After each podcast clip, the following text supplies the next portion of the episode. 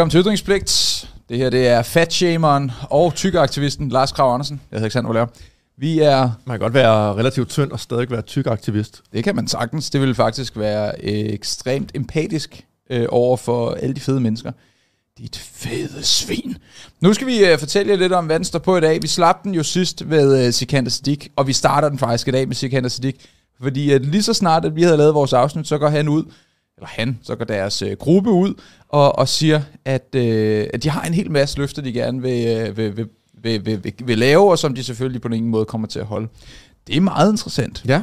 Det er faktisk lidt, man kan starte lidt med et lille grin om, hvordan at et politisk parti kan være så fjollet. Så er der, øh, så, så kommer halvdelen cirka af afsnittet til at handle lidt om øh, skole og uddannelse og indvandring. Lidt i, øh, i led med øh, Sikander Siddiq. Og, øh, og så lidt i led med fatshaming, så kommer den anden halvdel til at handle om øh, Lars øh, Løkke Rasmussen. Fadølsshaming. Fadølsshaming. Og så er der alt derimellem. Der er noget Samira, øh, eller hvad Ja, vi har hedder, nogle, og- øh, nogle ting, vi ikke lige fik fuldt op på sidst. Sådan noget med at Ja, så diskrimination, og det er godt, det der er skidt. Og, ja, der er også noget ved grænsehandel og kontanthjælpsmodtagere og øh, sådan noget. Ja.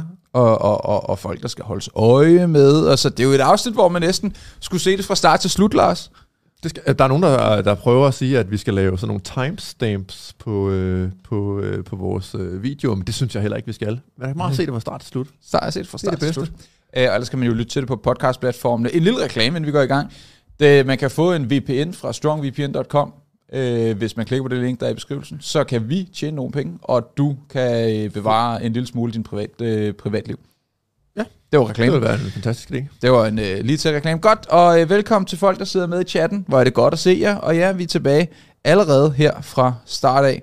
Øh, bup, bup, bup, bup, bup. Godt. Nu skal vi se her. Vi starter den bare ud direkte på Sikander Siddiq. Han har øh, været ude med to forskellige nyheder øh, på samme dag. Begge to. Vist nok i går. Måske var det i dag. Jeg tror, det var i går. Øh, den første her. Slet al offentlig gæld for personer på overførselsindkomst. Men han ved ligesom, hvem hans, øh, hans, øh, hans stemmer de er, og hvem han skal appellere til, for Han- at kunne prøve at komme op til at, at nå øh, de, de øh, spærgrænser for at kunne komme ind. Kommer han jo heldigvis forhåbentlig måske ikke til, men nu må vi se. Og jeg synes, vi skal prøve at tage den, og så se, hvad er der i det her, som faktisk er meget fornuftigt, og hvad er der i det her, som faktisk er meget ufornuftigt. Fordi at jeg, jeg kan godt finde, jeg kan godt pege på noget, hvis man, hvis man lige isolerer en sætning her eller der, som, mm. som jeg ikke synes er ufornuftig. Mm-hmm. Øh, men, øh, men der er det her store billede af Sikander, som står og trækker maven ind og puster brystkassen op, og, og han, øh, han, han er rigtig glad. De mest økonomisk udsatte grupper modtager kontanthjælp, hjemrejseydelse og Jeg kan godt lide, at han får hjemrejseydelse med, fordi det er jo lige ned i hans demografi. Skal så sige, jeg har jo faktisk også fået hjemrejseydelse engang. Ja, det viser bare, hvor skør, skør verden er. og førtidspension. I samfundet skylder stadig mere til det offentlige, og udsigten til at tilbagebetale og komme fri af gæld er utrolig lang for de fleste. Med stigende inflation og bulrende energipriser vil gældskrisen kun blive forværret de kommende år.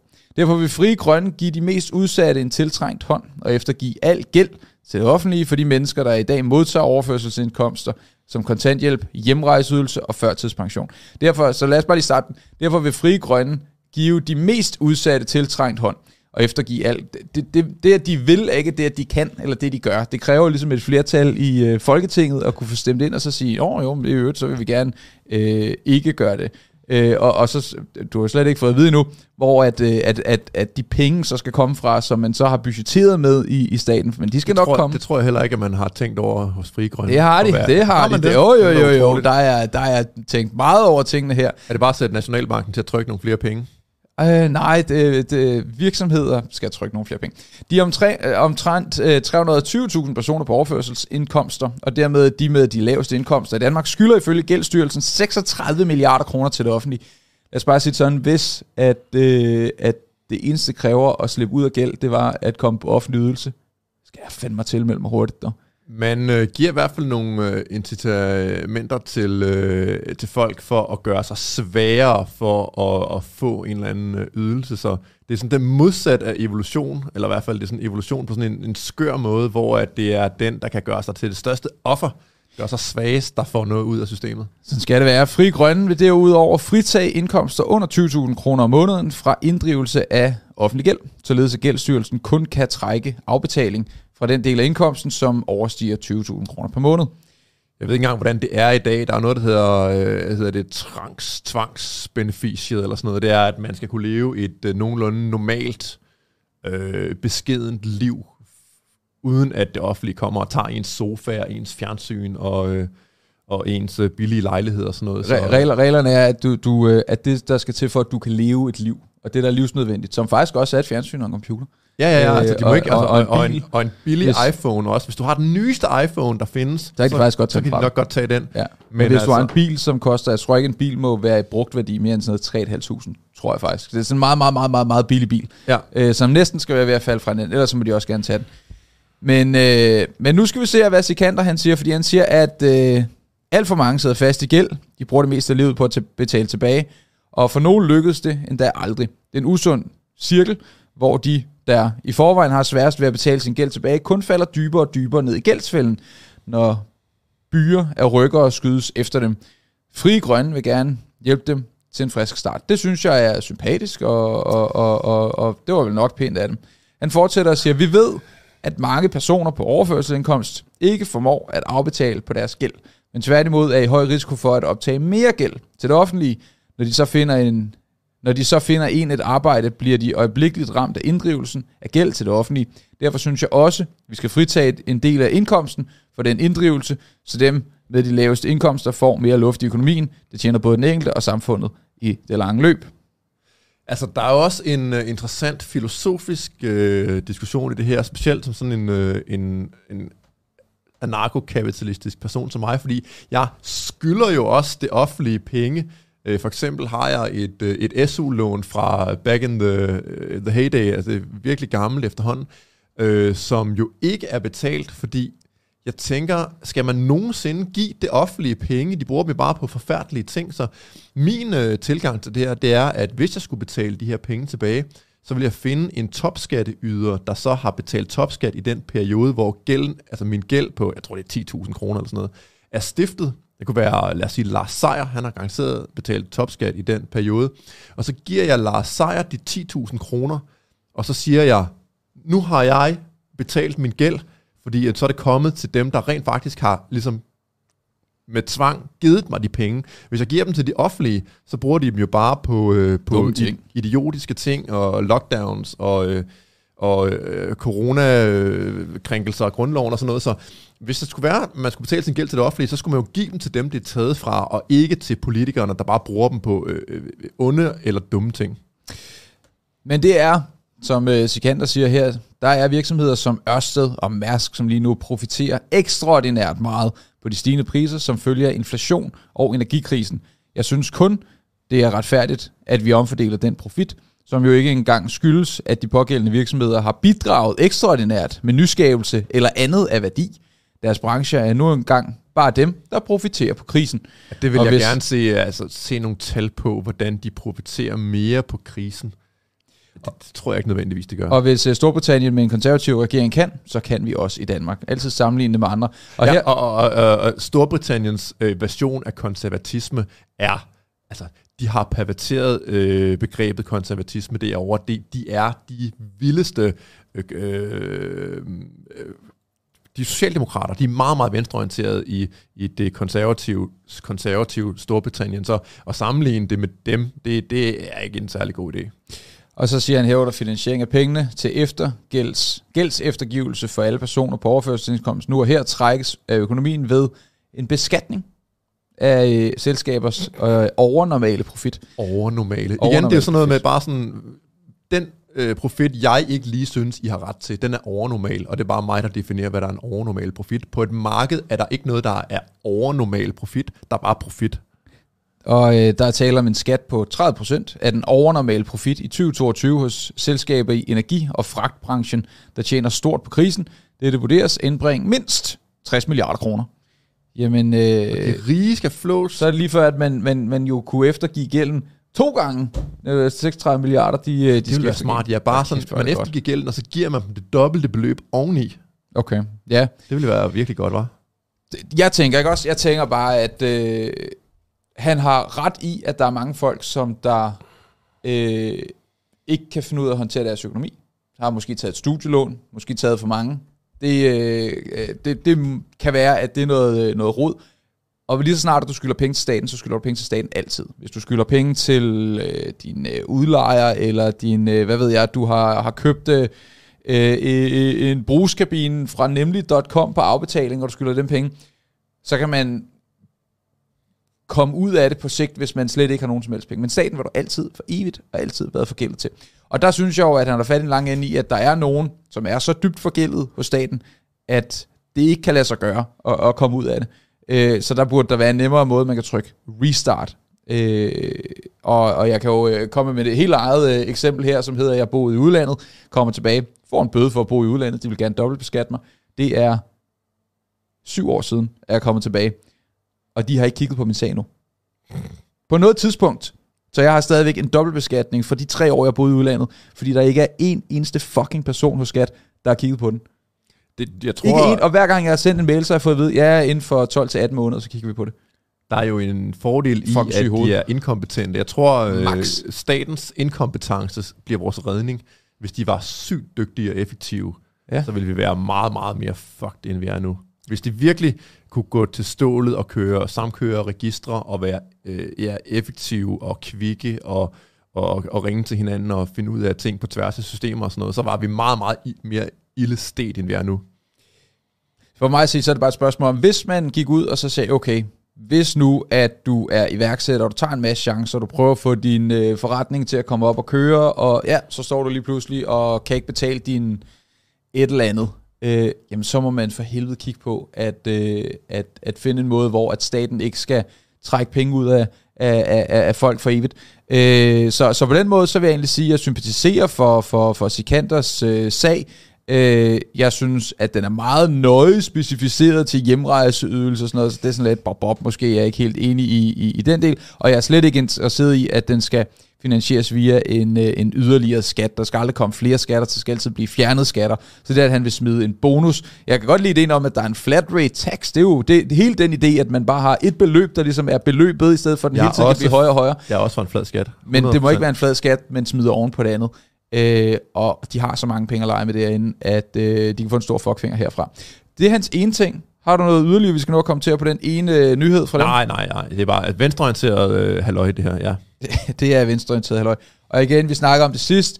De ligger og laver de meningsmålingerne, men meningsmålingerne er ikke nødvendigvis øh, 100% med i, øh, i, i, hvad der foregår i øh, ghettoområder, som er, er der, hvor han ligesom øh, gør mest af arbejdet. Så der er en chance for, at han kan komme ind. Derfor så, øh, så tager vi det med, ikke bare for at, øh, at drille ham øh, med hans dumme idéer.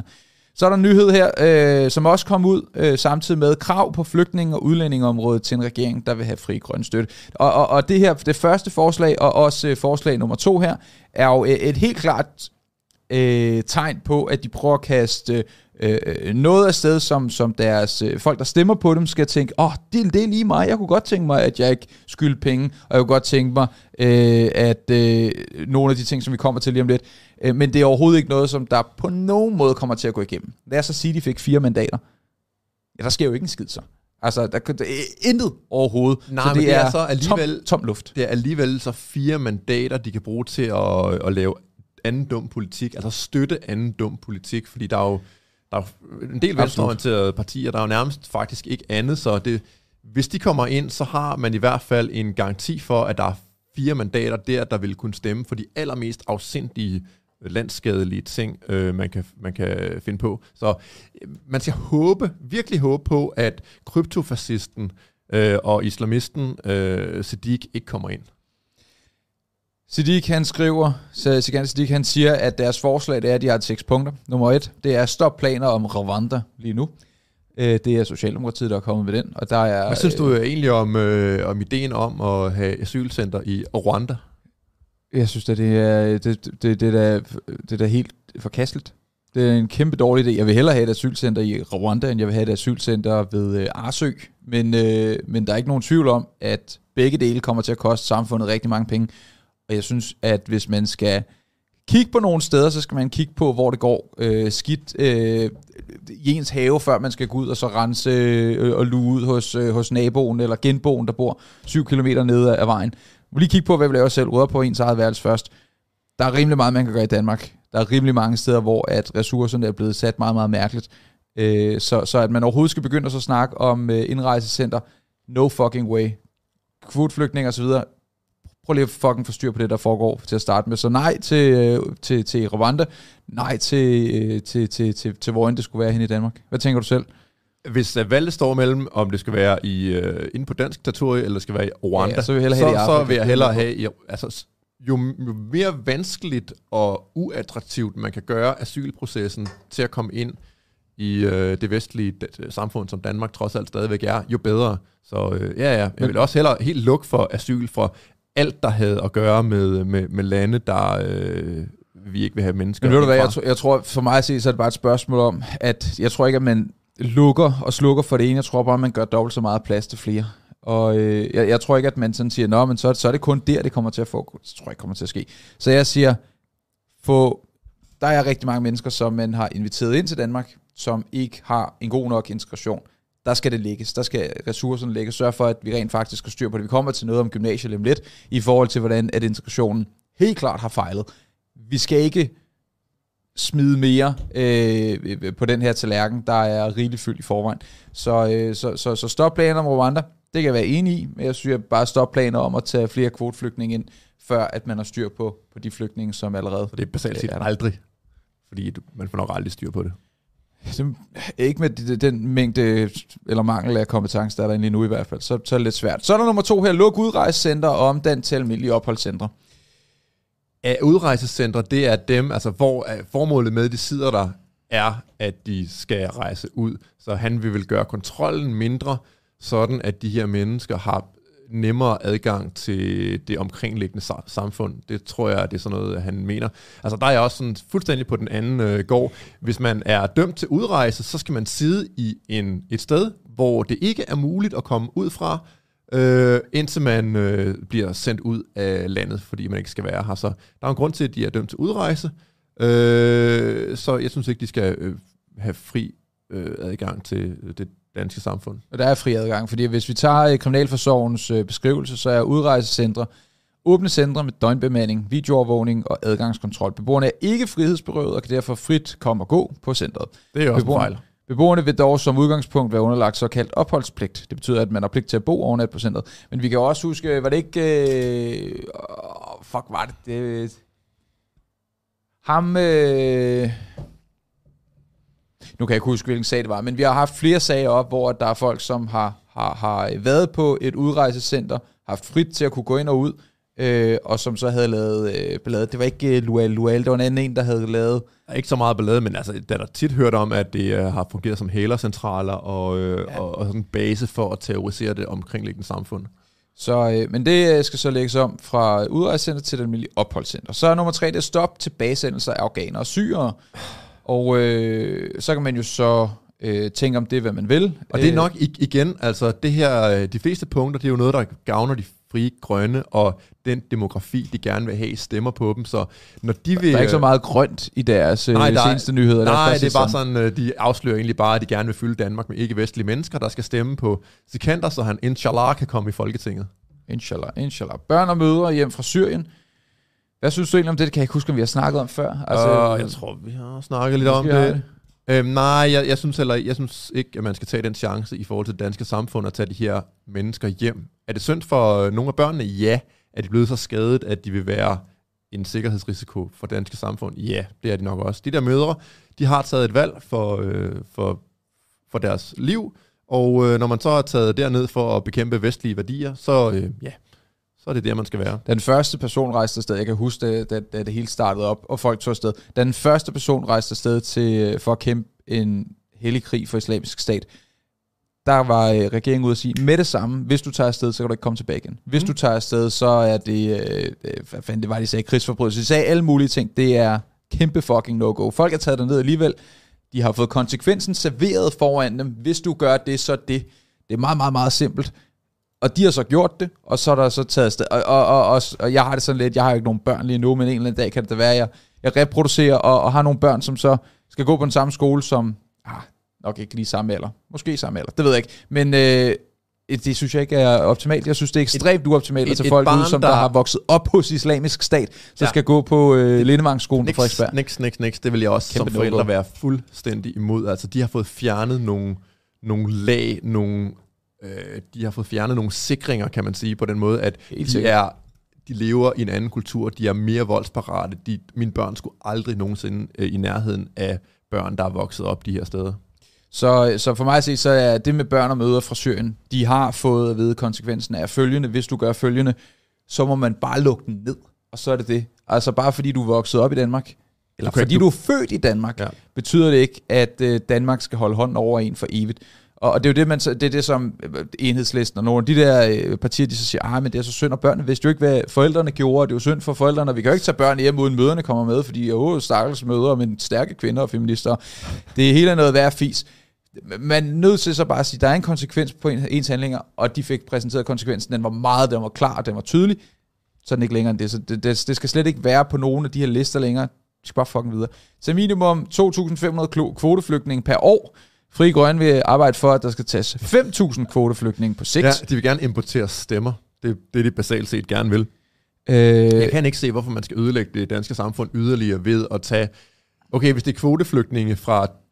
Hvis det er etniske tyskere, etniske amerikanere eller etniske japanere, men det er det jo ikke. Det er jo mennesker, der har nogle fundamentalt anderledes værdier. Det er nogle mennesker, som ikke vil friheden, ikke vil ytringsfrihed, og det er nogle mennesker, der, fordi vi har det her velfærds, øh, den her forfærdelige velfærdsstat, der så kommer til at lægge skatteyderne til last. Så der er ingen fordele for dansksindede, vestligt sindede mennesker i at få 2500 kvoteflygtninge til landet, medmindre man enten vil have dem til at stemme på sig, så man kan flytte demografien, så man kan få politisk magt, eller man bor inde i kartoffelrækkerne et eller andet sted, og så tror man, man aldrig kommer til at mærke konsekvenserne af, at de her mennesker kommer, for det gør man jo nok som de sidste. Øh, men hvis man er bor ude i provinsen, og man bor tæt på de her mennesker, så kan man godt mærke konsekvensen af, at de kommer, og så er man nok lidt mindre vild med udsigten til at få flere kvoteflygtninge til landet. Det, det skal vi ikke have. Vi skal ikke tage nogen kvoteflygtninge overhovedet.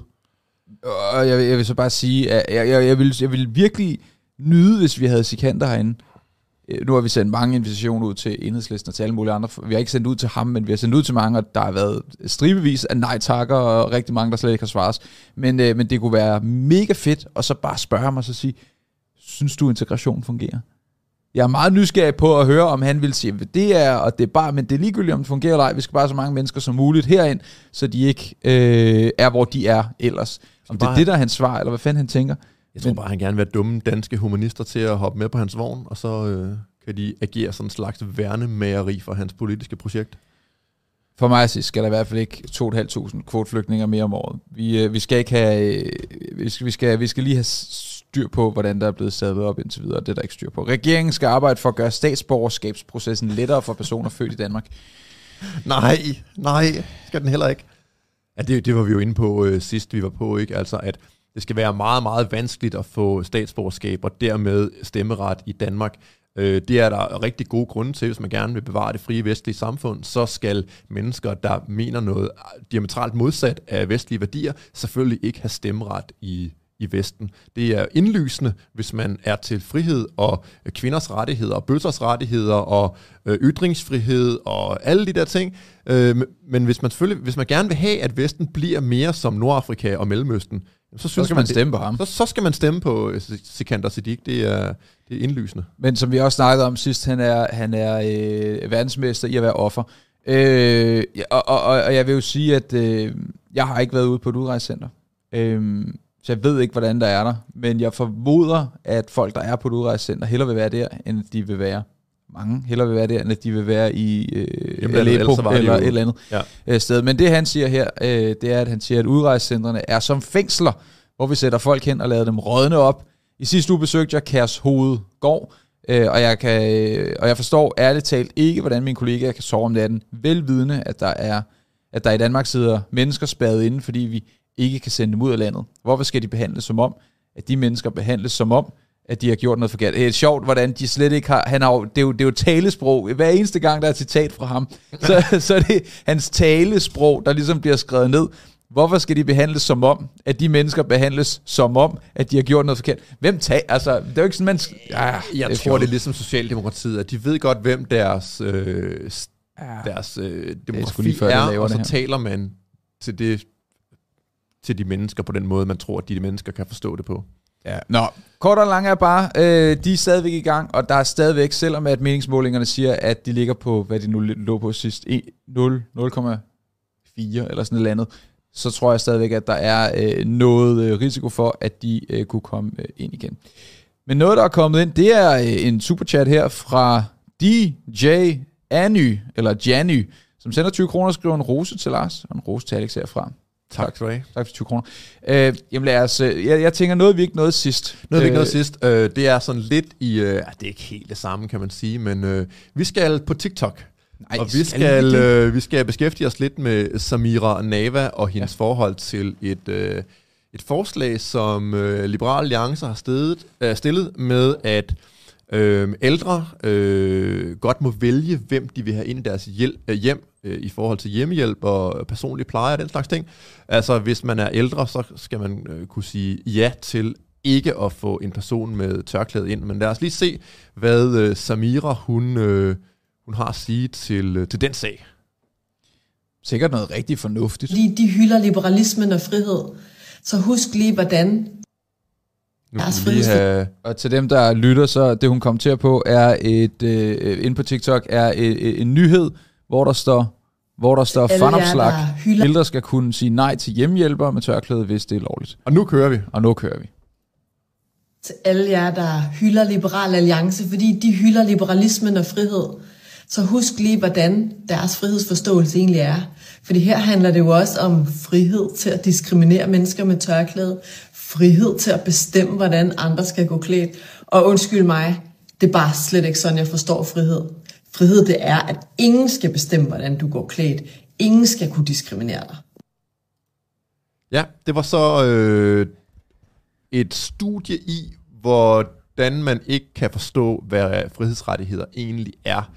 Fordi, lad os bare sådan se, først se pragmatisk på det her, øh, det her tilfælde. Gamle mennesker i Danmark må formodes at have været med til at bygge øh, samfundet op. De har betalt skat igennem et helt liv, øh, formodentlig. Og ligesom, det er jo ligesom deres skuldre, vi står på i forhold til den infrastruktur, der er bygget, og det land, vi lever i. Så man har plukket de her mennesker i skat igennem et helt liv. Så når de bliver gamle, så siger man så til dem, ved du hvad, nu, øh, nu har I betalt skat, men nu er I så blevet gamle, og I, øh, I er ikke på arbejdsmarkedet mere. Så nu er det os fuldstændig, der bestemmer, hvilke ydelser I skal have, og hvem I skal have dem af. Så øh, det er jo øh, sådan socialisme 101, når det er staten, der sidder på de her øh, produktionsmidler i forhold til at øh, give hjælp til folk. Det så, så tager man bare øh, valgmuligheden fra øh, folk. Det var så det øh, pragmatiske i det. Altså selvfølgelig øh, er det urimeligt, at man som kunde i systemet bare skal, skal æde den service, man får, og ikke har noget at sige i forhold til det. Øh, det mere principielle i det, det er jo, at diskrimination er en menneskeret. Øhm, vi diskriminerer hver dag i vores liv, og vi har øh, fuldstændig ret til at diskriminere. Vi diskriminerer i forhold til, hvilke venner vi vil have. Skal vores venner være, være højt råbende og, øh, og histrioniske og, øh, og lave en masse drama, eller skal de være, være mere nede på jorden, og skal de øh, være mere lavmælte og tænksomme og sådan noget? Det vælger man selv, så man diskriminerer på venskabsfronten imod en masse af mennesker, som man siger, du kan sgu ikke være min ven, fordi jeg bryder mig egentlig ikke om, hvordan du er. Øh, vi diskriminerer også i forhold til, øh, til virksomheder. Altså, jeg handler ikke hos... Øh, hos øh, Bygma, jeg handler hos Harald Nyborg, og så diskriminerer jeg jo mod Bygma som øh, byggemarked. Øh, og så på alle mulige, også i forhold, i, i forhold til kærester og koner og sådan noget, diskriminerer man jo også. Jeg kan lide store bryster, jeg kan lide små bryster, jeg kan lide folk, der griner mine vildigheder. Du diskriminerer mænd, fordi du ikke øh, er sammen med, med mænd. Jeg diskriminerer også, øh, også mænd, der siger, at de er kvinder. Øh, jeg diskriminerer på alle mulige måder, så det at kunne bestemme, hvem man omgås med, er en basal frihedsrettighed. Så diskrimination er en frihedsrettighed, og det er det, som Samira Nava ikke forstår. Hun tror, at der er noget forkert i, at man har ret til at bestemme, hvilke mennesker man omgås. Men det er jo sådan set en af fundamenterne for et frit samfund. Det er, at man sådan kan vælge sine egne fællesskaber. Man kan vælge, hvad man handler med. Man kan vælge sine venner. Man kan vælge sin partner. Man kan vælge øh, alle mulige ting. Og når man vælger en ting, så har man jo øh, automatisk diskrimineret imod nogle andre ting. Så, så hun forstår absolut ikke klap af noget som helst. Hendes frihedsbegreb er det, venstreorienterede socialistiske frihedsbegreb, hvor hun mener, at hun har ret til at tvinge folk til at, øh, at leve på den måde, som hun gerne vil, fordi åh, du skal, øh, kan du huske den der sag med bageren, der, øh, den jødiske bager, der ikke vil ja, ja, ja, bage ja, ja, ja, ja. en nazikage, øh, og det er der selvfølgelig også Øh, det er der fuldstændig i orden. At, var det ikke en jødisk bager, der ikke ville bage en homokage? No, Nej, eller der har sikkert været det var i hvert fald en eller, anden, en eller anden person, der ja, skulle lave ja, et produkt, der var ude af trit med dens, øh, personens ideologiske ståsted. Ja. Øh, og det er der fuldstændig i orden, så må man jo finde en anden øh, bager og få bagt sin skøre kage hos. Det er jo ikke noget, der er en krænkelse af den private ejendomsret. Det er sådan, verden skal fungere. Ellers er der ikke frihed, hvis vi ikke har lov til at skulle diskriminere sig. Øhm, jeg synes, det er et udmærket forslag, som Liberal Alliance har stillet her, men altså, der er jo sikkert ligebehandlingslov og alt muligt fis, der står i vejen for, at mennesker, der har betalt skat hele helt liv, også kan have et eller andet øh, indflydelse på, hvilke ydelser de får og af hvem. Så det er garanteret Samira, der, der får ret i den her øh, sag. Men, men i alle de her øh, sager, der burde man jo næsten have, have frit valg i forhold til, lad os sige, du skal til øh, psykolog for eksempel. Mm. Øh, det kan være, at du har en præference i forhold til, om det skal være en, en ung psykolog, eller en ældre psykolog, eller om det skal være en herrepsykolog, eller en kvindepsykolog. Mm. Øh, hvis du er til lægen, så får du også herre- eller kvindevalg.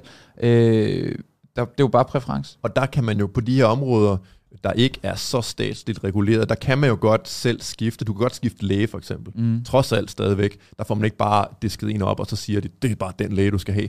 Øh, og det samme i forhold til psykolog og tandlæge og sådan noget, hvor det er jo sådan øh, mere eller mindre på et privat marked. Der har man jo selv valgmuligheden. Så valgmuligheder er godt. Og det er så det, som Samira, man kan næsten forstå på hende, at valgmuligheder i hendes verden er skidt. Lige indtil hun bliver gammel. Så vil hun øh, sgu nok gerne ja, have... så når hun bliver gammel, så håber jeg, at der er en flok nazister, der, øh, der, er, der, bliver, der bliver hjemmehjælpere, og så tramper de rundt i armbind og, øh, og, og skråremme, og så har hun bare at sige, ja, ja, det er jo, jeg må ikke diskriminere imod nogen.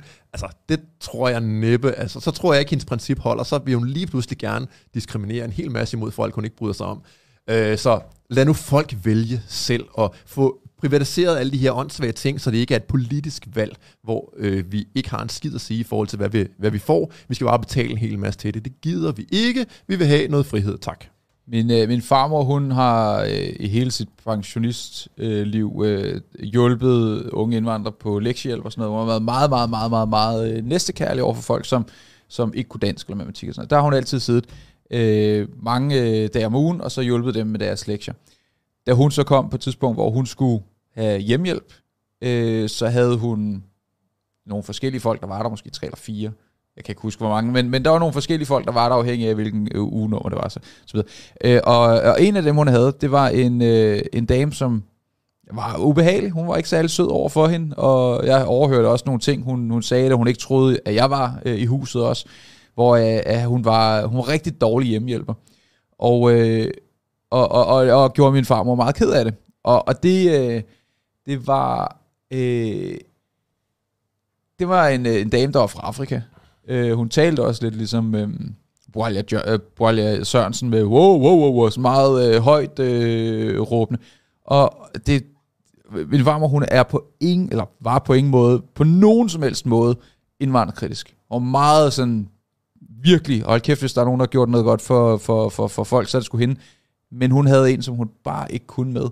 Men hvis hun så går ind og brokker sig, øh, hvis, det gjorde vi jo, det gjorde jeg på hendes vejen, så, så bliver det jo selvfølgelig set i Samirs øh, øjne som racisme. Selvom mm-hmm. at det måske bare er et spørgsmål om, at det er et mismatch. På samme måde som, som så meget andet. Så, så det er jo bare et spørgsmål om, hvad der er et godt match, hvad er ikke et godt match, og vi skal have et ens fri valg. Og, og, og bare fordi, at man ikke vil have en, der er... Øh, i min farmors tilfælde handlede det jo ikke om, at øh, hende øh, dame var, havde sort hud. Det handlede om, at hun var, hun var sgu lidt en røv, og der var øh, nogle andre damer, som, som hun heller ville have, var der, øh, som var meget søde ved hende. Og det synes jeg er okay, at man, man vælger fra til. Ligesom i ens, som du siger, et forhold. Jeg har aldrig nogensinde datet en fra Thailand. Det er der sgu nok en grund til. Ja. Ja, og det er jo så ikke racistisk over for thai-kvinder, at jeg primært har datet folk fra Danmark. Det er bare lige sådan, landet har ligget. Det er naturligt, øh, og der, der stikker ikke nødvendigvis noget, noget, øh, noget fordægt under. Og hvis man som ældre menneske i Danmark ikke synes, at, øh, at muslimer eller folk, der går med religiøse øh, øh kendetegn, er et godt match, så skal man da selvfølgelig have lov til at sige, nej, tak, jeg vil godt øh, bede om noget andet, og det vil man jo kunne på et privat marked, men det kan man jo så ikke rigtig få lov til, når det er staten, der står for at udbyde alle de her ting. Skal vi øh, snakke lidt om, øh, om den der øh, skole, inden vi... Øh, jeg synes, den video, du sendte mig, var rigtig god. Ja. Skal vi tage den, inden vi hopper ind i Lars Lykkes øh, Moderaterne? Fordi vi har, vi har to emner nu, som, øh, som vi kommer til at dække. Det første, det er øh, en gymnasielærer, som der er meget transparent, jeg vil sige meget... Øh, øh, øh, jeg synes, det er beundringsværdigt, hvor transparent han er. Jeg tror, at det er ufattelig modigt, Ja. at han tør som nuværende gymnasielærer stille sig op og være kritisk over for de ting, han siger. Og, og han formidler det jo også på en måde, jeg synes, der er spot on. Altså det er ikke, det er, jeg synes det er meget, så det skal vi se den video, skal vi snakke lidt om, hvordan uddannelsessystemet er skruet sammen. Det synes jeg er et spændende emne, og så hopper vi ind i Moderaterne bagefter, som har borgerpligt, øh, og, og, og det øh, kan vi så debattere lidt om, det er liberalt eller uliberalt. Men lad os først, ikke ved, hvor meget der er at diskutere det, men lad os først øh, se, øh, Berlingske Tidene har en video her, med en lærer fra, øh, hvad er det, det fri Køben- øh, Fra et, et københavnsk øh, gymnasie, øh, og jeg synes, det var utrolig interessant at høre ham Absolut. fortælle om, hvordan tingene de står til der. Så øh, vi, øh, vi lader ham tale. I nogle klasser er der en stor del, som direkte saboterer undervisningen. Så det er nærmest ikke... Resten får ikke noget ud af det. Det var et udpræget problem blandt de tosprogede elever. Det var meget, altså sjældent, man oplevede det blandt etnisk danskere, kan man sige.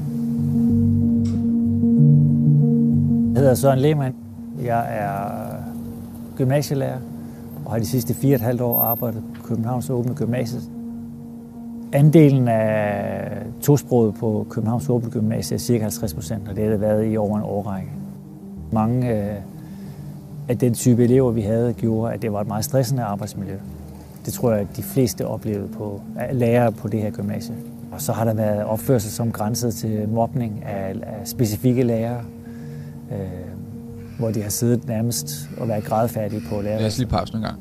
Eksemplerne kunne være, at jeg er blevet Og det er jo... Øh, og, og, og, og, og, og så... Ja, man kan måske tænke, jamen så kan de vel bare blive smidt ud.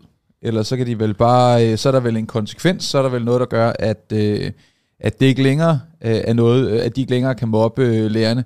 Men, men det er der altså ikke. Som ingen fucking konsekvens overhovedet. Nej, det er jo, systemet er jo skruet sammen sådan, at gymnasierne ikke har råd til at smide de her elever ud, fordi uh, deres penge, de, vil- at deres øh, midler vil jo blive mindre, hvis de øh, kylede eleverne ud. Der er jo de her taxameterordninger og sådan nogle ting, der gør, at øh, gymnasiet bliver betalt efter, hvor meget de producerer. Så gymnasierne har en, et økonomisk øh, incitament til at tage folk ind, der ikke er øh, egnet til at gå i gymnasiet, og også lade folk blive der, der på øh, den ene eller den anden fagligt eller andet, jeg tror, at begge to øh, er ret gældende her, øh, de skal blive på gymnasiet. Så det er et sygt, sygt, sygt system på så mange niveauer, og vi har ikke engang hørt de værste ting endnu i forhold til, hvad den her øh, gymnasielærer han har oplevet i forhold til undervisning. Øh, jeg synes, vi skal se videre, fordi at det bliver meget værre end det her. skudt i øjnene af en sådan laserpointer, øh, mens jeg har stået op ved tavlen og undervist. Øh, jeg kender til en lærer, som har fået kastet plastikflasker efter sig. Man har ikke kunnet skille elever ad på grund af slagsmål. En lærer er blevet låst ude fra, sin, øh, fra sit klasselokale, øh, og der er så blevet fundet porno på hendes PC, mens hun var væk. Der var ikke nogen, der ville lukke hende ind, fordi de havde simpelthen bare låst døren. Og ingen har set noget, så det der, der fik ikke nogen, de fik ikke nogen konsekvenser.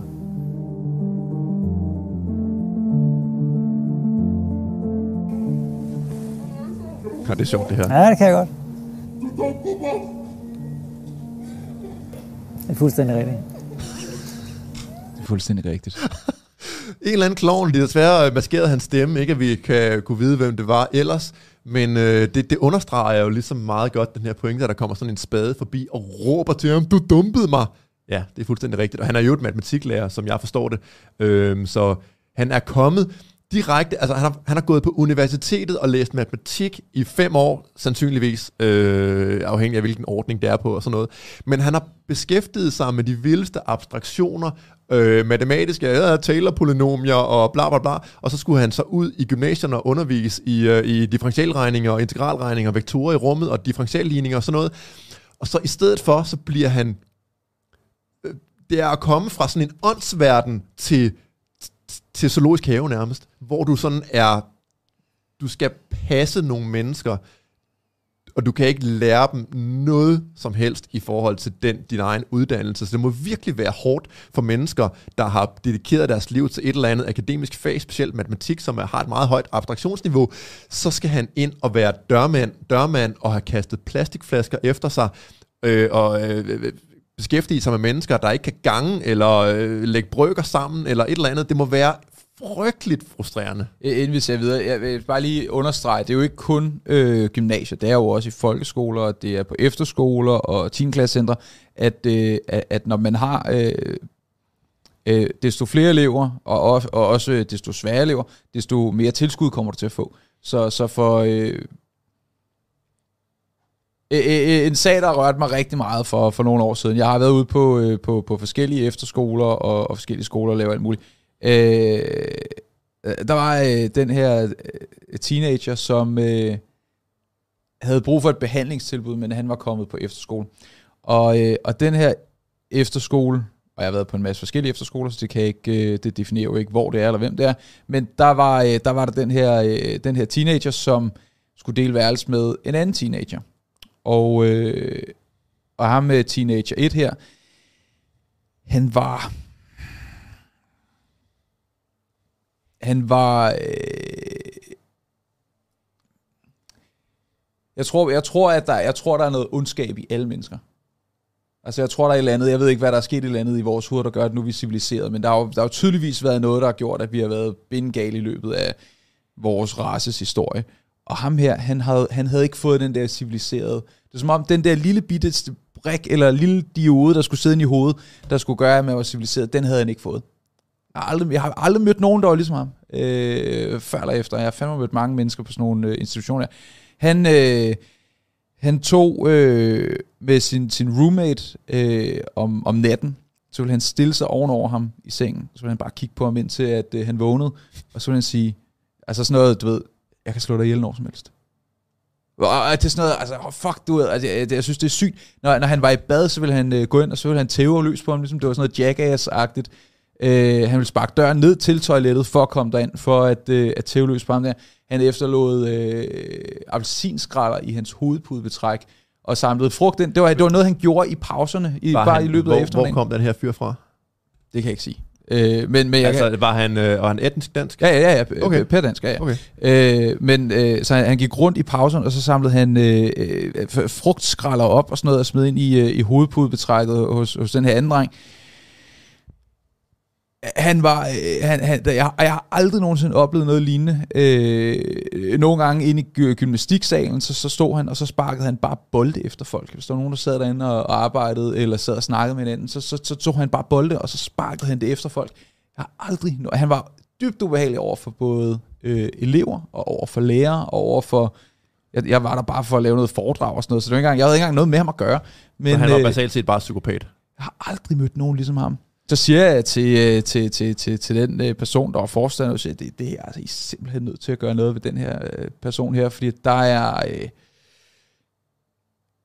lige så meget, som du tror, at, at den, den dreng kan reddes, lige så meget er det rigtig svært for rigtig mange andre. Hold kæft, han får hævet nogle folk ned. Og der fik ja, jeg det, også vide. Det er, rigtig, det er rigtig, rigtig nemt. Jeg tror også, vi har talt om det før. Det er rigtig nemt at hive folk ned. Der skal ikke særlig mange nederen mennesker til at gøre øh, et klassemiljø eller et skolemiljø til et super nederen sted. Præcis. Øh, så det er svært at gøre ting gode socialt, og det er sindssygt nemt at gøre dem rigtig dårlige. Der fik jeg at vide, at øh, det kunne de ikke tage sig af, fordi at de fik øh, støtte. Altså fordi at han var på den skole, og han havde jo tydeligvis brug for et, et, et, et, et, et øh, et være. andet tilbud, øh, hvor at, at der var noget mere flere mennesker, og et værelse, hvor der ikke var nogen andre og sådan noget, og øh, jeg var bare sådan lidt, fuck, hvor er det sygt. Hold kæft, der var en øjenåbner for mig. Altså, at der var ingen interesse i, at det, det skulle ændres. Der var ikke nogen interesse i, at de to ikke skulle være på værelse sammen længere. Øh, der var ikke nogen... Jeg har aldrig nogensinde mødt nogen, der havde, havde, havde det sådan der, og, og, og, og, og, og uinteressen fra, fra ledelsen var også øh, det er vel næsten bemærkelsesværdigt. Det, det er vel næsten det mest deprimerende, ikke? Altså et er, at der er øh, sindssyge mennesker, der gør livet surt for andre, men at der de systemer, der så egentlig skulle være designet til at beskytte flertallet af folk, øh, er at, at de er ligeglade, at de er indifferente over for, at der foregår overgreb og farlige situationer. Det er jo sådan set den ægte øh, forbrydelse, fordi der sker altid dårlige ting, men når systemerne og institutionerne bliver dårlige og ligeglade, og, jamen, så, så, så er vi et grimt sted hen. Ja, men, men hvordan alting er, så det er bare for at prøve at illustrere, hvor, hvor, øh, hvor, hvor, hvor meget penge taler de her ting. Det handler ikke om menneskers trivsel, eller om menneskers læring. Det handler om penge. Og, og lige en, en hurtig anden, inden vi, vi ser videre på videoen. Øh, jeg har jo også været på en anden efterskole, hvor at, øh, at jeg kan ikke huske, hvor mange de var. Lad os sige, de var 60 eller 61 eller sådan noget. Hvis der var en, der, der, øh, der, der, der stoppede, fordi de havde haft... Øh, Øh, whatever. Der var en masse folk, der stoppede, så hvis der var en mere, der stoppede, så ville de ikke have nok mennesker til, at de kunne få tilskud, eller noget i den stil. Så det vil sige, at alle kunne gøre hvad som helst. Jeg har aldrig nogensinde mødt så syg i hovedet en efterskole, eller institution overhovedet, det var almindelige mennesker, og jeg skal nok lade være med at definere, hvad det var, men, men, men, men meget, meget, og ikke, det var ikke fordi, det var sådan en øh, specialundervisning eller noget som helst, helt almindelige mennesker, og de måtte hvad som helst. Jeg skulle lave en øvelse, hvor man skulle lave en slags labyrint, og, og, og, og, øh, og de havde to lærere med, til, hvor altså, jeg, jeg havde en workshop, jeg havde fire workshops, stod, tror jeg, øh, og, og en af dem, og, og, og ud af de 60 mennesker, i hvert fald 30 sad oppe i væggen og siger, åh, jeg, har, jeg får angst, øh, når der er mange mennesker, åh, jeg, får, øh, jeg, jeg har så dårlige hofter, altså lidt, bro, du er fucking 14 år, eller 15 år, eller hvad gammel vi er, og, og, og, og der var ingen konsekvenser med noget som helst. Ingen overhovedet. Og det er jo sådan et sted, hvor man så kan sige, okay, hvis man øh, havde friheden på en efterskole til at kunne øh, opspare et overskud, så kunne man sikre sig mod dårlige tidspunkter som så kunne komme, når man på et eller andet tidspunkt er nødt til at opsige øh, 20 øh, elever eller sådan noget, for at, at drikke for meget alkohol på, på, øh, på skolen, eller hvad fanden det nu var. Øh, nå, så kort og lang er bare, hvis nu man havde noget mere frihed, og hvis ikke at man var afhængig af de tilskud, som skolen fik, så tror jeg faktisk, at det, det ville fungere meget bedre. Lad os se videre. Det er ikke en lang rant, var. Det er godt med rants. Jamen, det var en klasse, der de var oppe i skriftlig matematik, 25 og 3 bestod. Og vi stod på hænder og fødder for dem, for at lære dem, og havde to lærerordninger indimellem. De var ikke til at hugge stik i. Hvis man fordeler de ikke-vestlige elever på de københavnske gymnasier, så opnår man ikke noget. Der vil ske det, der sker på KG, fordi KG er i forvejen 50 procent tosproget, og de klumper sig sammen. De tosprogede vil gå i klasse med sig selv, og de og de etniske danskere, de kommer automatisk i klasse med sig selv. Hvis man skulle gøre noget ved det, så skulle man jo smide elever ud, der havde den type fravær, den type opførsel. Men øh, så mister skolen tilskud, så der skal rigtig, rigtig meget til, for at man bliver smidt ud. Jeg tror, man skal være mere selektiv i dem, man inviterer på gymnasiet. Øh, nogle højere adgangskrav og virkelig arbejde med motivationen. Fordi her der er det en anbringelsesanstalt. Der er rigtig mange, som ikke har noget andet at lave. Og de er overhovedet ikke interesseret i at modtage undervisning. Det er trist, øh, men så synes jeg ikke, de skal spille lærernes og samfundets tid. Så må de lave noget andet. Kæmpe respekt for, at han øh, står frem og er ærlig omkring det. Øh, e- ekstraordinær øh, stor respekt. Jeg ved, hvordan han får det på lærerværelset her fremadrettet, fordi Øh, gymnasie... Han repræsenterer jo i virkeligheden lærerværelset, ja, han repræsent... mening formodentligt. Ja, jeg er ikke sikker. Øh, gymnasielærer er jo nogle rev røde tosser for det meste. Jeg har været ude på rigtig mange skoler, og hvis du har en skole, der er dårlig, så, så er det det, lærerne snakker om. De, de er, øh, hvis, hvis, hvis den skole der er præget af rigtig dårlig opførsel, så uanset hvor rød og revrød du er, så, øh, så ved de det og så er de kede af det over det, og de har det hårdt over det. Så jeg, jeg kunne Man kan vide, om de vil have de rigtige løsninger så alligevel, fordi øh, han stiller sig jo i klaskehøjde ved at sige de her ting, og altså gymnasielærer øh, måske er i mindre omfang dem, der, hvor det rigtig går ud over det, de er jo, at lærer generelt er jo virkelig, virkelig kollektivistisk orienteret og rigtig indvandrer, indvandringspositive. Så Øh, det er så en ting af det, at han er modig her, men det siger jo virkelig meget om, hvordan gymnasieskolen bare er, altså den er jo nærmest død mange steder. Øh, det sted, der skulle øh, facilitere højere læring og fordybelse i ting, der faktisk er svære og kræver et højt abstraktionsniveau, det er bare blevet til sådan en zoologisk have for folk, der, øh, der opfører sig helt vanvittigt. Jeg, jeg kender en, øh, en, en øh, person, der har undervist på, øh, på et gymnasie også og oplevede det her, og hun blev, altså, hun blev jo øh, sådan seksuelt tilnærmet af nogle eleverne, og så sagde ledelsen bare til hende, ja, ja, det må du bare sådan lidt finde dig i, at de kalder dig det ene og det andet, og, øh, og kaster ting efter dig, og, og den slags ting.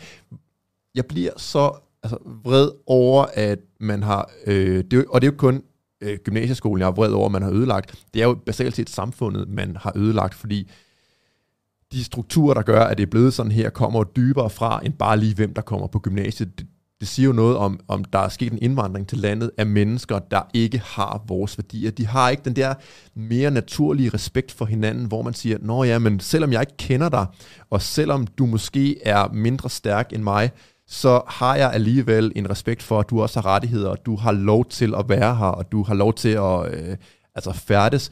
Det her det bliver sådan en konkurrence ud i, hvem der kan dominere hinanden, og så tester man fra de her elevers side, kan jeg dominere mig til at, at, at få en højere plads i hierarkiet og bestemme, hvordan musikken skal spille, så finder du ud af, ja, det kan de godt, fordi der er ikke nogen konsekvens ved at have den her dominansadfærd, og så gør de de ting, der skal til for at, øh, at få den nemmeste i deres øjne gymnasietid, hvor de basalt set intet lærer, og hvor de sidder og brokker sig over, at de Øh, jeg har hørt der historier om, at der, der, altså, der, de afleverer også opgaver nogle gange, og så bliver der bare sådan afleveret verbatim øh, kopiopgaver, hvor der bare er copy-paste det hele, og så sidder de så og siger, ja, men øh, jeg har ikke copy-pastet det, og man kan, man kan bevise, at det har de. Der er nogle systemer på gymnasierne, der kan, øh, der kan opfange de her ting, og man kan så se, okay, det her er på kommet det samme, som der blev afleveret for tre år siden i det her fag.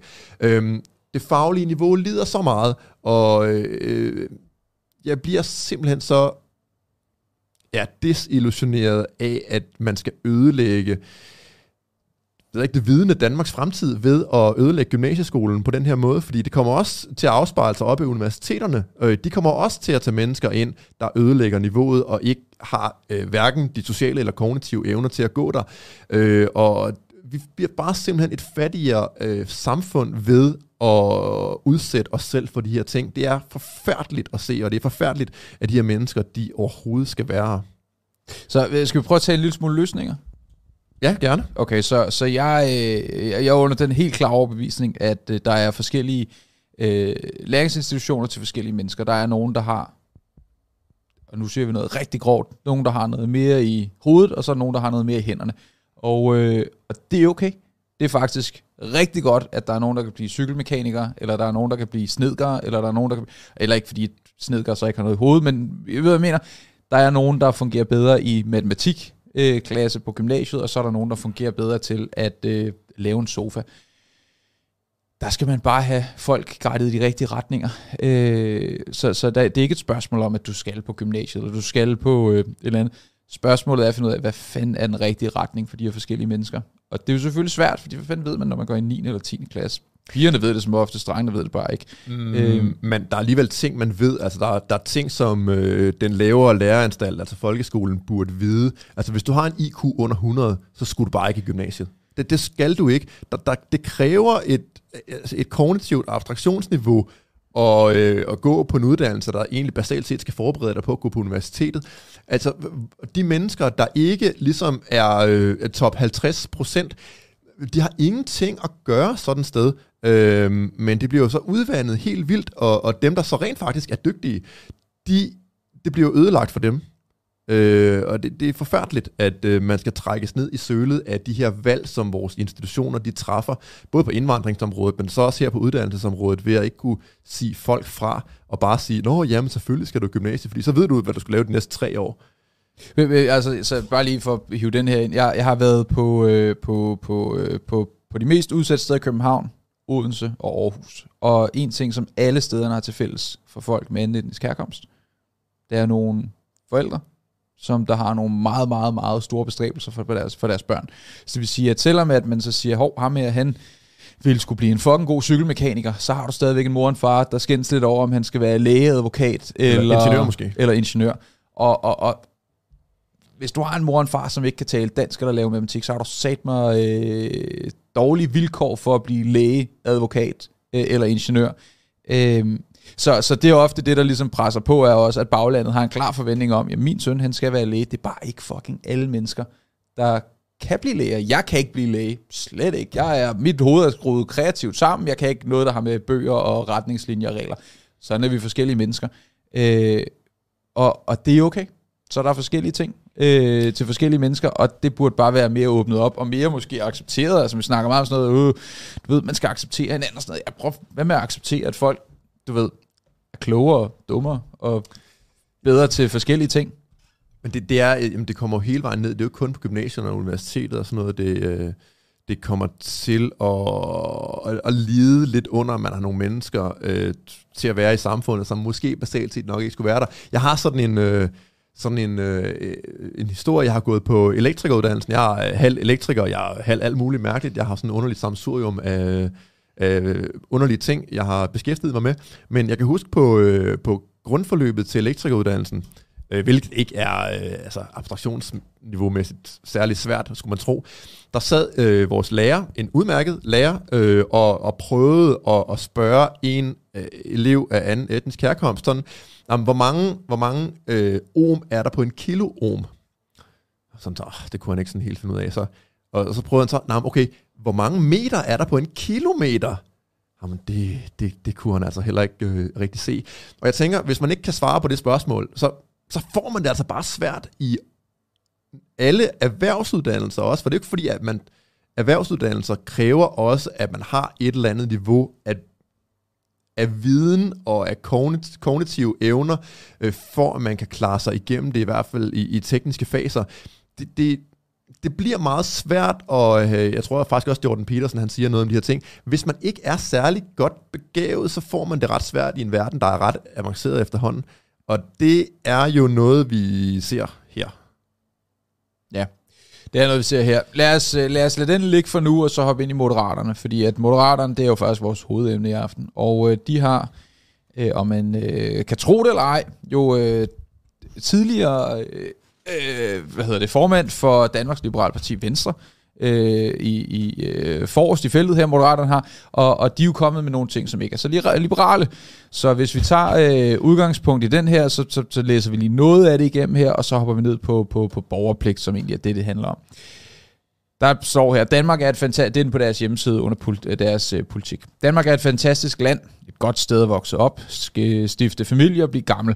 På mange måder har vi opfundet øh, har vi fundet opskriften på et samfund med en god balance mellem lighed, frihed og tryghed. Det er solsiden af fortællingen om Danmark. Og det er en sand fortælling. Men, hånden på hjertet, der er også en skyggeside. Det var lige en, øh, var lille, en lille ølbøvs. Øh, vores velfærd er grundlæggende udfordret på kerneopgaven, både demografisk, økonomisk og strukturelt. Ja. Der er øh, for mange øh, unge opbygger ikke faglige færdigheder, er personlig robusthed til at få fodfæste på arbejdsmarkedet. For mange idéer og initiativer bliver ikke omsat til arbejdspladser og velstand, fordi vi mangler kvalificeret arbejdskraft og taber i konkurrence til andre lande med mere attraktive investeringsvilkår. Så, så langt er jeg jo sådan set enig. Det, der er, Det er bare ikke, det er bare ikke, altså en ting er, hvad de skriver, en anden ting er, hvad de preacher, altså, eller hvad de, de, de gør. Men ja, for mange ældre medborgere får ikke en værdig pleje og omsorg. For mange mennesker lever på kanten af samfundet, uden at være en aktiv del af fællesskabet. For mange med anden etnisk baggrund end dansk er ikke fuldt deltagende i arbejds- og samfundslivet. Og vores sygehusvæsen, sygehusvæsen, som ellers har leveret for eksempel langt bedre kræftbehandling over de sidste snart mange år, er under voldsomt pres. Ikke bare fra covid-19-pandemien, men fra demografi, livsstilssygdomme, sygdomme og uattraktive arbejdsvilkår. Så indtil videre, så lyder det jo sådan set okay, det her. Jeg tror ikke, at der er nogen, der ikke... Jo, nej, Jeg tror, lad os bare sige det sådan, det de har skrevet her er jo nærmest ligesom cold reading. Hvis du, hvis du går ind og, og, og ser dit, øh, dit øh, hvad hedder sådan noget, stetoskop, hvad hedder det? Horoskop. Hvis du ser dit horoskop, så, ja. så finder det op i avisen, så vil stort set det hele passe på dig. Ja. Det her, det er jo en, en beskrivelse af en politik, som vil passe til stort ja, set alle. Om det, du er enhedslisten, eller ja. om du er liberal, så mere eller mindre, så er du faktisk rimelig meget... Ja, hvis man er hardcore venstreorienteret, så er man nok ikke enig i, at øh, Danmark skal have et bedre investeringsklima. Eller så, nej, læser, nej, man, men, så læser man noget andet ind du, i det, fordi men det er jo ligesom det med et horoskop. Ja. 90% af det giver ligesom mening for dig. Så ja, ja, det, de rammer ja, ja. ret bredt. De fortsætter at skrive her, det er også en sand beskrivelse af Danmark. Moderaterne har et brændende ønske om at finde løsninger og samle de ansvarlige partier, om at løse de udfordringer, der ellers sander til fastlåste højre-venstre positioner.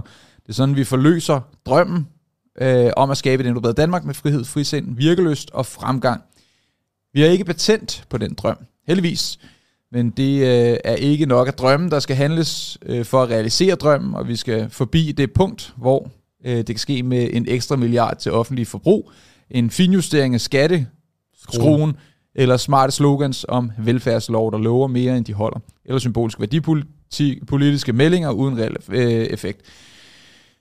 For at få, øh, for at få øh, tør tænke nyt øh, eller højt, de politiske blokke lurer på hinanden, for meget handler om dagens avisoverskrifter og morgendagens meningsmåling.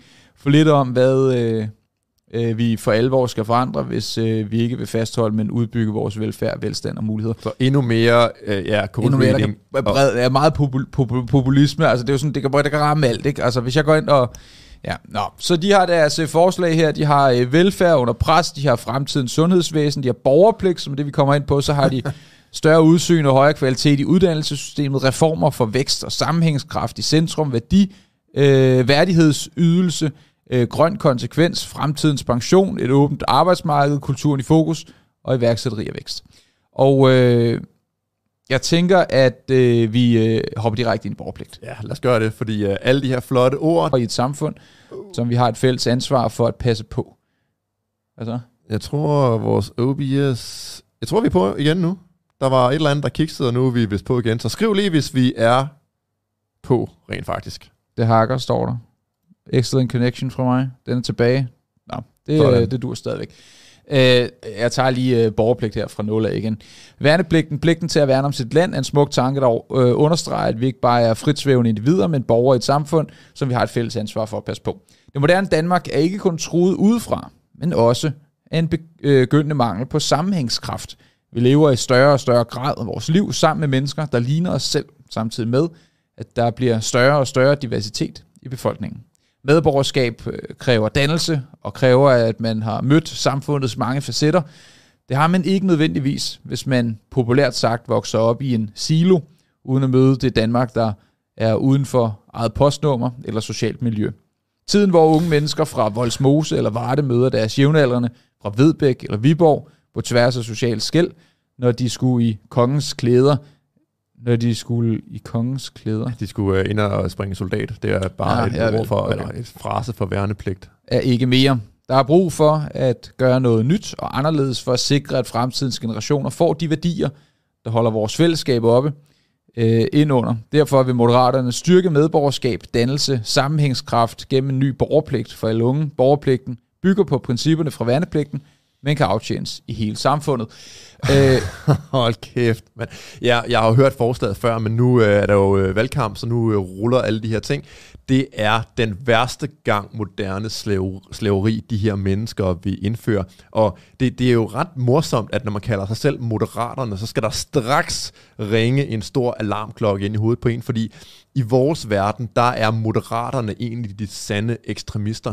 Øhm, tænk at kalde sig moderat, og så vi indføre øh, slaveri for unge mennesker, som man vil kunne rykke rundt som øh, bønder i et spil skak og sige, nå ja, men nu, nu mangler der lige den her unge bataljon på det her sygehus, så udkommanderer vi med tvang og politiets hjælp lige nogle mennesker til at at være portør på, øh, på Horsens øh, sygehus, eller vi udkommanderer lige en bataljon øh, tvangsudskrevne unge til at, at skifte øh, voksenblæer i hjemmeplejen, eller et eller andet.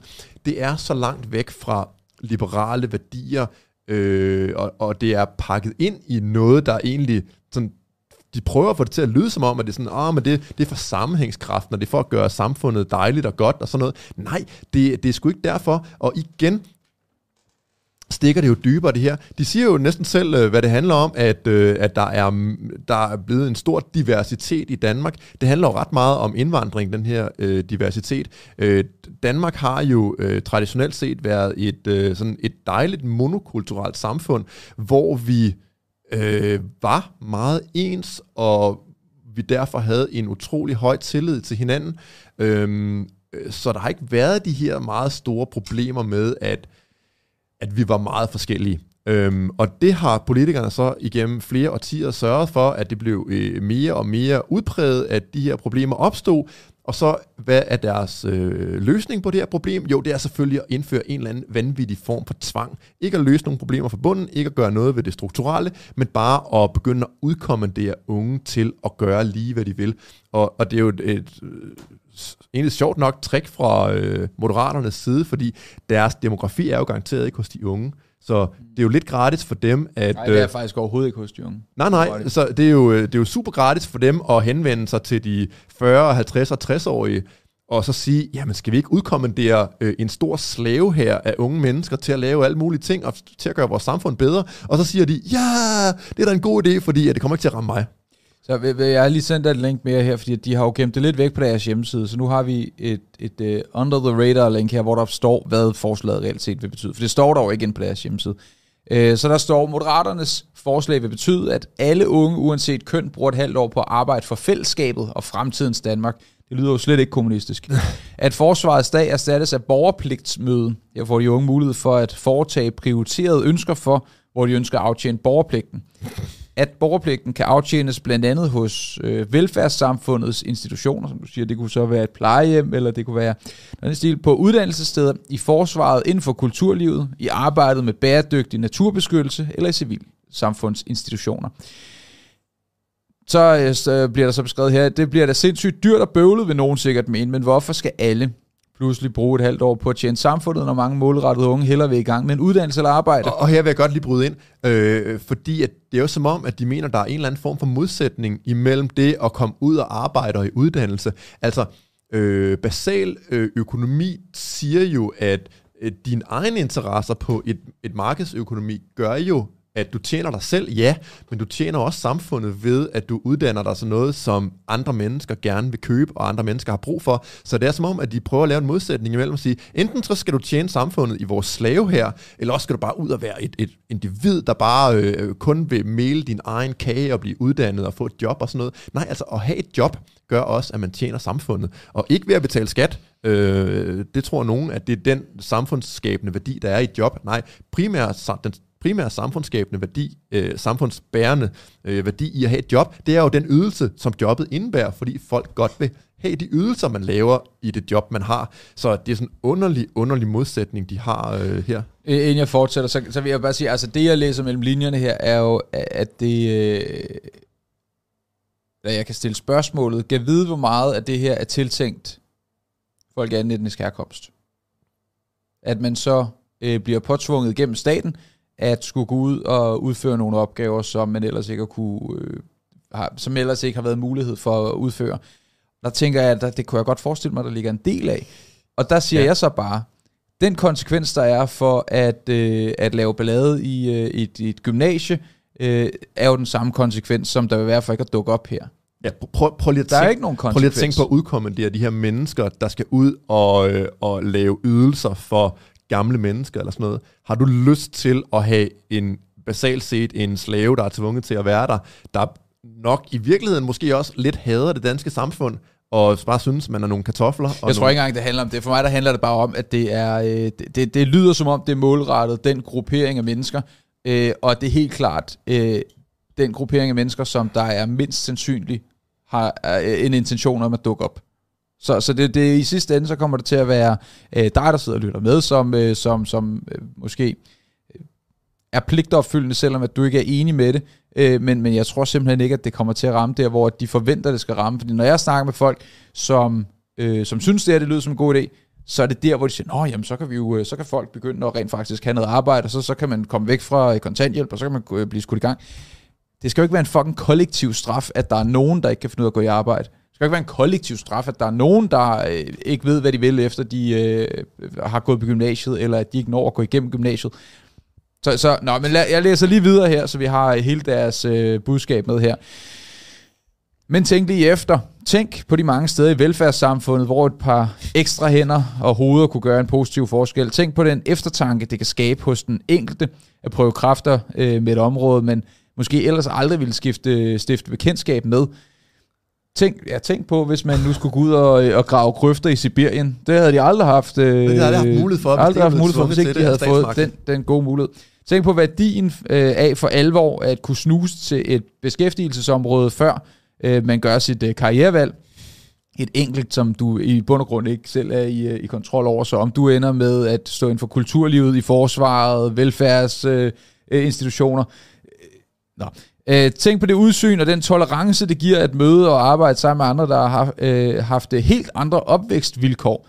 Og så skal borgerpligten naturligvis indrettes øh, med samme fleksibilitet som den nuværende værnepligt. Okay, det, øh, hele det der med, som man også prøver at undskylde øh, og, øh, og sige, at det det værnepligten gør godt for, at man kan møde folk, der ikke er som en selv. Altså, det er jo ikke statsmagtens øh, opgave, slet ikke som anarkist, men hvorfor skal det være magthavernes opgave at tvangsblande folk og fodre dem med, og så, nu skal du sove på øh, otte med nogen, der er forskellige for dig. Altså, det er da det mest uliberale, der overhovedet findes. Sådan at, at tvinge folk til at være sammen med hinanden, det er ikke, øh, det kan ikke føre noget særligt godt med sig, synes jeg. Det er ikke statens og magthævernes opgave at øh, sådan være sociale ingeniører og sige, ja, men du kommer godt nok fra et, øh, et øh, akademiker hjem, men nu skal du den onde lyn med bare sove på stue med nogen, du overhovedet ikke har noget til fælles med, eller arbejde sammen med dem, fordi det synes vi lige præcis er godt. Jeg ved, øh, om, om de ville synes, det var godt, hvis man sådan sagde, at øh, når man, øh, vi, vi hæver bare øh, alderen for det her.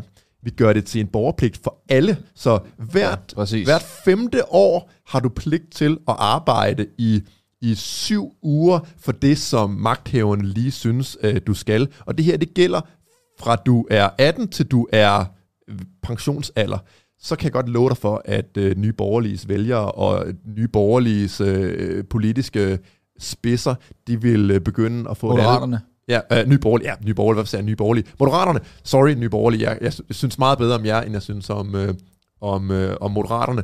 Øh, men altså, så vil pipen jo få en anden lyd. Det er jo kun fordi, at det rammer nogle andre end dem selv. Lars Lykke og, og hans søn Bergur, han vil jo aldrig nogensinde bryde sig om at blive udkommanderet i en eller anden øh, røvtørringsbataljon, øh, eller en, en skraldeopsamlingsdeling på øh, Vandelsbæk Strand. Det skulle de nok få sat en stopper for. Det er kun fordi, det handler om mennesker, der ikke er deres demografi, og der ikke er dem selv. Så er det nemt, og det er ligesom, når politikere sender folk i krig. Det er altid de fattige børn, der bliver sendt ud. Nu er det her så ikke lige krig, og det er jo en del mindre slemt end krig, men princippet om det er, at man bare kan spille skak med nogle andre mennesker end sig selv. Ja, ja, jeg er jo enig. Jeg synes, det er ekstremt uliberalt, og jeg synes, det er helt hen i vejret. Og det, det de gør, er i virkeligheden at give en, en, en du siger, en, du står der jo også, at det er en slags forsvag på nogle andre ting, man kunne prøve af, som man ikke er sikker på, man vil prøve. Ja, øh, den offentlige sektor. Det er jo det, det i bund og grund er. Det, det, det de præsenterer, er, at du kan komme ud, så kan du prøve nogle jobs af i den offentlige sektor, og det er et sted, vi ikke har brug for bliver større. Det er et sted, vi har brug for bliver mindre. Øh, så jeg synes ikke, at man skal påtvinge nogen som helst til, at øh, man kunne opfordre til, at man får et job ved at være forældre til det barn, og så sige, hey, jeg synes, det var en god idé, at du går ud og får et job, som ikke er særlig sjovt. Man kunne sætte er ydelserne er ned, så man var nødt til at få et job. Og Det ville jo være en, øh, et fremragende forslag. Hold kæft, vi skulle starte et Vi politisk skulle parti. starte et parti, man bunker partiet. Altså bunkerpartiet. Men, øh, men når alt kommer til alt, så er det et, øh, et rigtig dårligt forslag, der kommer til at ramme siden af skiven, og som, som du også siger, øh, rammer de folk, som ikke er dem, der stemmer det ind. Og øh, så lige nu, der er det en hel masse mennesker, der stemmer på den næste generations fremtid. Folk, som lige nu måske så er, øh, det ved jeg ikke, hvornår de vil kunne nå at få implementeret det, men lad os sige om tre år, så folk, der er 15 år nu, øh, og, og sidder derude og tænker, om jeg vil gerne være det her, jeg vil gerne ud og, og tjene penge på det her, eller jeg vil gerne arbejde med det her. Ja, først så skal du lige igennem de her, det her halve år med det her tosseri. Jeg mødte engang en fra Sydkorea, som skulle bruge, jeg tror vist nok, det var to år i, i, øh, i militæret, før at han øh, Ja kunne måtte blive voksen. hvor er det fucking sygt i hovedet. Altså, og han havde det, som pesten er værst i hele verden, overhovedet. Han havde det. Øh, men han var simpelthen øh, påtvunget at skulle være i, i, forsvaret, fordi at det var bare det, de havde der, og så kunne man blive en mand. Og så er der selvfølgelig, øh, at de har så en, øh, jeg kan sige, en politisk, øh, geopolitisk situation, der er anderledes, men det gør ikke princippet anderledes, fordi jeg har jo også den holdning, og der er nok nogle konservative, der sidder og siger nu, ah, men du har pligt til at forsvare sit samfund, og hvad nu hvis øh, øh, russerne angriber, og vi er nødt til at grave os ned ved køgebugter, og hvor skulle alle de mennesker komme fra? Jamen, basalt set, hvis man ikke kan forsvare et samfund øh, af frivillighedens vej, hvis man er nødt til at sende bevæbnede mænd ud efter folk og sige, hvis du ikke forsvarer samfundet, så, øh, så får du stukket den her øh, pistol i snotten, og så kan du komme i fængsel og alle mulige ting. Jamen, så skal man spørge sig selv, er samfundet så værd at forsvare, hvis man ikke kan få folk frivilligt til at gøre det? Og der er mit svar, nej, det er det ikke. Øhm, øh, man skal ikke tvinge folk til at gøre de her ting. Øh, det er det mest uliberale, der findes, og, og det er ret tankevækkende, at det er Lars Lykke, den tidligere formand for Danmarks Liberale Parti. altså, øh, de er lige så liberale, som den uafhængige politiklagemyndighed er uafhængig. Det vil sige slet ikke. Øh, det er simpelthen en, en farse, at han nogensinde har kaldt sig liberal. Det er vist, øh, det er vist kun noget, at der sker i skåltaler hos ham. Det eneste, jeg ser, man kan gøre i den her situation, det er at øh, lade være med at stemme på Moderaterne og stemme på noget, der ikke er hen over midten. Moderaterne vil gerne arbejde sammen med, med Frederiksen, og øh, de vil kunne have tænkt sig en øh, SMK-regering, kaldte Lars Lykken for. Det var hans øh, drømme. Drømme øh, noget, det, øh, det vil være øh, med dem, og nej, SMV, SMV sammen med Venstre og Socialdemokratiet, øh, og så måtte øh, konservative måske også gerne komme med. De vil heller ikke gøre ham noget. Bare de ikke øh, for langt for store skattelettelser, fordi uha nej, det kan vi ikke være med til. Men det er helt absurd. Så hvis du øh, er øh, på vej ud for at stemme om en uges tid, så prøv at, øh, at tage det til overvejelse. Øh, og, og, og, og overveje måske så, at øh, jeg vil i hvert fald gøre, hvad jeg kan for at stemme i en retning, der er væk fra midten, øh, og i retning af, af, af højre. Og øh, hvad synes du egentlig om Rosa Lund, Lars?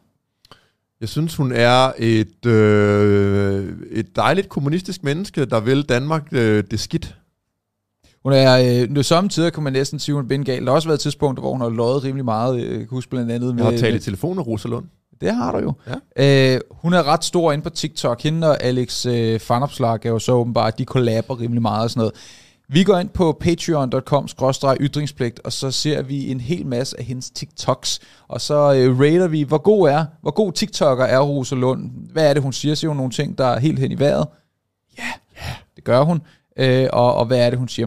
Det gør vi ind på patreon.com ytringspligt. Det er vores lille øh, fanklub, vores øh, støtte, støttested, så hvis man kunne tænke sig at øh, være med til at finansiere det her projekt, vi har kørende, så er det altså inde på patreon.com ytringspligt.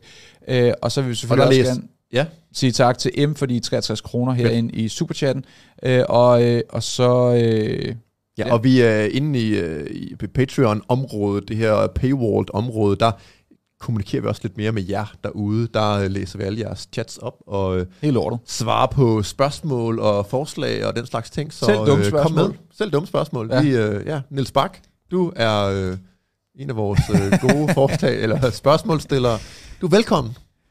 Godt, så nu øh, håber jeg, vi ses derinde, og ellers så ses vi bare næste gang. Hvis ikke du er abonneret til kanalen endnu, så må du meget gerne gøre det. Og øh, ses, når vi ses. Hej hej. Hej hej.